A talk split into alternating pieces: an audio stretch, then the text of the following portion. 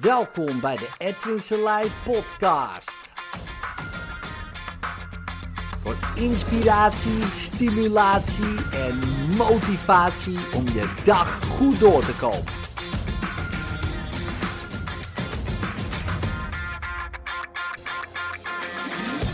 Er zijn veel dingen waar je het over kan hebben natuurlijk. Um, een van de dingen is dan toch wel het programma Tigo in de psychiatrie. Omdat het uh, heel erg linkt uh, naar wat wij doen met het uh, instituut. En dat is nou ja, mensen opleiden die mensen helpen. En man, ja, ik, ik moet eigenlijk dat soort programma's niet kijken. Want ik weet ongeveer wel hoe het eraan toe gaat. Ehm, maar wat hij dan laat zien is nog erger dan ik dacht. Kijk, dat mensen heel veel pillen voorgeschreven kregen, dat wist ik wel. je ziet daar een man die heeft een hele batterij aan medicijnen. Uh, hij slikt al medicijnen uh, vanaf zijn elfde. Is daardoor agressief geraakt op een gegeven moment. Wordt een heel ander mens. De ene label naar de andere label krijgt hij opgeplakt. Met daarbij weer andere pillen. Ja, nu uh, kan hij daar niet meer vanaf. Sterker nog, hij moet uh, iedere ochtend uh, eerst een half uurtje uh, de kokhalzen boven een wasbak vanwege afkikverschijnselen van die pillen. Dus dan snel maar weer een batterij van die rommel erin. Nou, dat is al verschrikkelijk, maar dat wist ik al. Ehm, ik heb hier wel eens een cursist gehad die, die zat zo zwaar aan de pillen dat als die zou stoppen met die medicijnen, dan ging ze dood. Um, dus, en dat was tien jaar terug. Dus uh, dat speelt al jaren, jarenlang is dat natuurlijk zo. Uh, en dat zie je dan ook bij zo'n man, want ja, die is nu uh, een dertiger. En die doet het al vanaf zijn elfde, dus um, dat is al heftig. Maar wat ik het meest heftig vond van het hele programma, was dat de regisseuse... Um,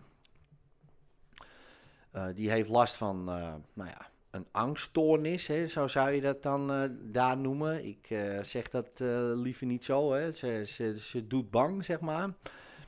Um, ze gaat naar een therapeut. En wat die, en het is opgenomen, het is gewoon echt verschrikkelijk wat daar gebeurt. En die zegt, oh, ja, nou ja, je bent een perfectionist, schat, ook nog zeggen, weet je wel. Um, maar goed, dat laatste, oké, als je een beetje rapport hebt, zou misschien nog kunnen, maar vond het een beetje apart. Hè, maar in ieder geval, uh, ja, je bent een perfectionist. Je hebt dit. Uh, paniekstoornis, angststoornis, depressieve stoornis. Um, um, en je wordt gewoon meteen, gewoon uit een kort gesprek, al krijg je al meteen labels. En ze is bij vijf therapeuten geweest en ze had elf verschillende labels. Eentje die deed met een vragenlijstje van ja, nee, ja, nee. Die kwam op allemaal punten uit. Maar gewoon de manier waarop je behandeld wordt in zo'n intake. Het is gewoon uh, een veehouderij, weet je wel. Er komt een koe binnen. Oh, oké, zo en zo. En door deur uh, A, deur B of deur C. En je moet een sticker hebben, want dan word je vergoed. En als jij maar die sticker hebt, oké, goed, dan kost het je niks. Alleen ja, uh, qua geld, maar het kost je wel de rest van je leven dat je met zo'n sticker loopt, weet je wel. Uh, en mensen hebben dat niet door, wat dat voor effect heeft. En, en toen dacht ik op een gegeven moment, man, wie zijn nou de gekkies, jongen, in het gekkenhuis? Hè? Zijn het nou de patiënten of zijn het de therapeuten? Want als een van onze cursisten zo iemand behandelt dan, dan, dan heeft hij echt een probleem. Uh, dan uh, zou ik hem helemaal, uh, dan zou ik hem keihard aanpakken.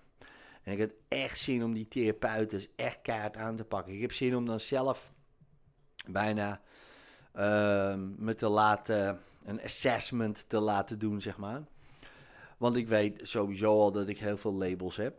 Ik ben al eens een keer bij iemand geweest in therapie. Um, en dat had ook niet echt een succes was de, de man uh, was uh, zeker wel een, uh, een goede vent. Um, absoluut. dus niet zo'n gekkie als, als die ik zag op dat programma. Um, maar op een gegeven moment wel van, ja, we kunnen niet verder, je moet nu een pilletje nemen. want je mist een stofje. Ja, dan moet je vooral bij mij wezen. Toen al. Um, ik denk, ja, ik zeg, hoe weet je dat, man? Ik zeg, je hebt nooit een test gedaan, niks. Ja, nee, dat is mijn, uh, mijn klinische blik. Ik zeg, klinische blik. Ik zeg, je moet op een paranormale beurs gaan zitten. Nou, zeg, je bent wel uh, eigenwijs, hè? Ik zeg, zeker. Ik zeg, dat gaan we niet doen. En toen ging hij ook nog mijn brein vergelijken met een motor van een auto. dus hij zegt, ja, als je motor van je auto kapot is en er moet olie bij, dan moet er ook steeds olie bij in die auto. Dan doe je dat toch ook? Ik zeg, serieus, wil jij de complexiteit van, van een brein vergelijken met een motor? Met alle respect wat een LTS'er, LBO'er um, gewoon kan leren. met alle respect natuurlijk. En er zijn heel veel mensen die alles weten van een motor. En er is niemand die alles afweet van het brein. Om het maar even zo uh, te schetsen. Ik zeg, en serieus, dat ga jij vergelijken? Een vriend van mij, uh, nou, die is echt een wonder met auto's. Ja, die, uh, die kijkt naar je motor en die weet precies wat er aan de hand is. Um, maar ik weet zeker, als hij, mij, als hij mijn brein uh, gaat bekijken, heb je echt geen idee. weet je wel? En dat ging die man dan vergelijken. Ik zeg, sorry gast. Ik zeg, nou zijn we echt uitgepraat. Ik zeg, nou ben ik er helemaal klaar mee. Ik zeg, dat is dus jullie idee van een brein. Een machine. Het menselijk lichaam is een machine.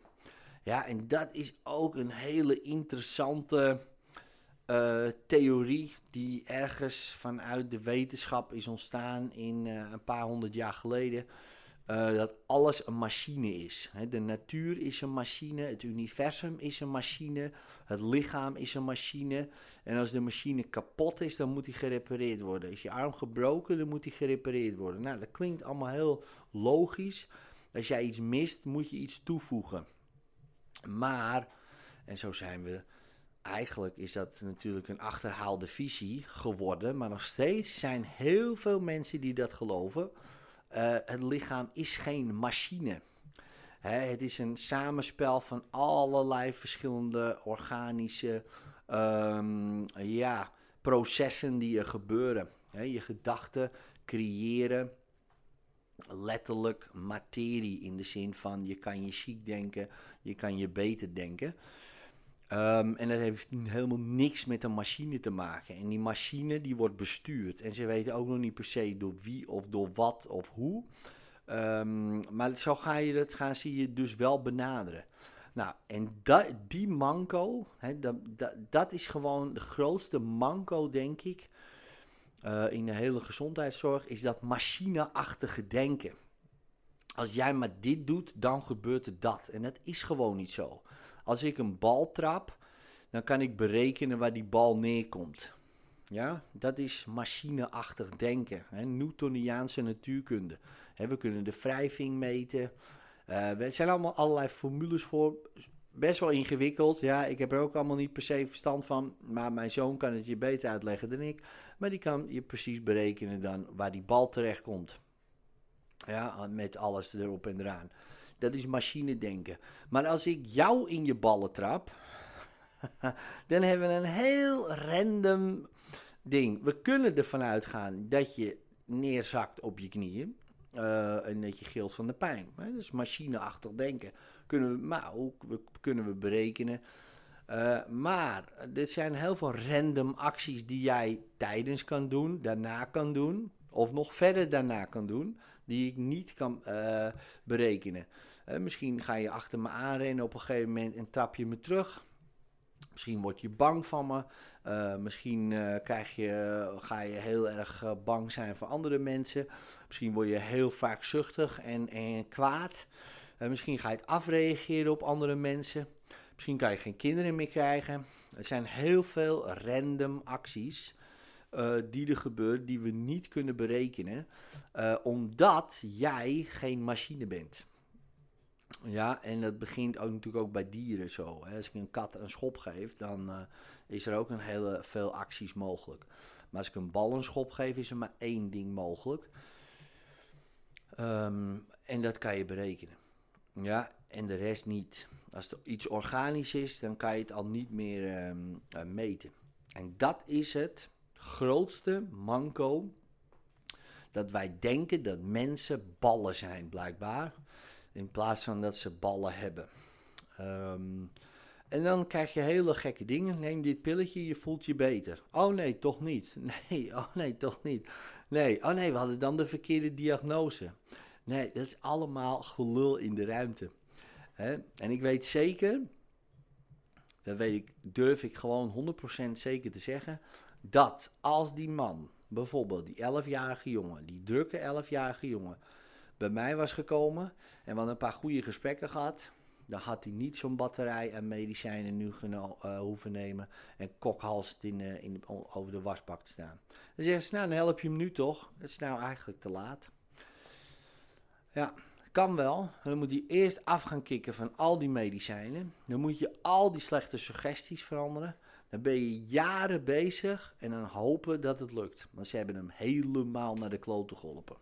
En dan zeggen ze wel eens, nou, eh, jullie zijn ook kwakzalvers. Of tegen mij, je bent een kwakzalver. Nou, ik heb nog nooit iemand de dood in geholpen, dat is één. Ik heb nog nooit iemand zijn leven helemaal naar de kloten geholpen, en dat is twee.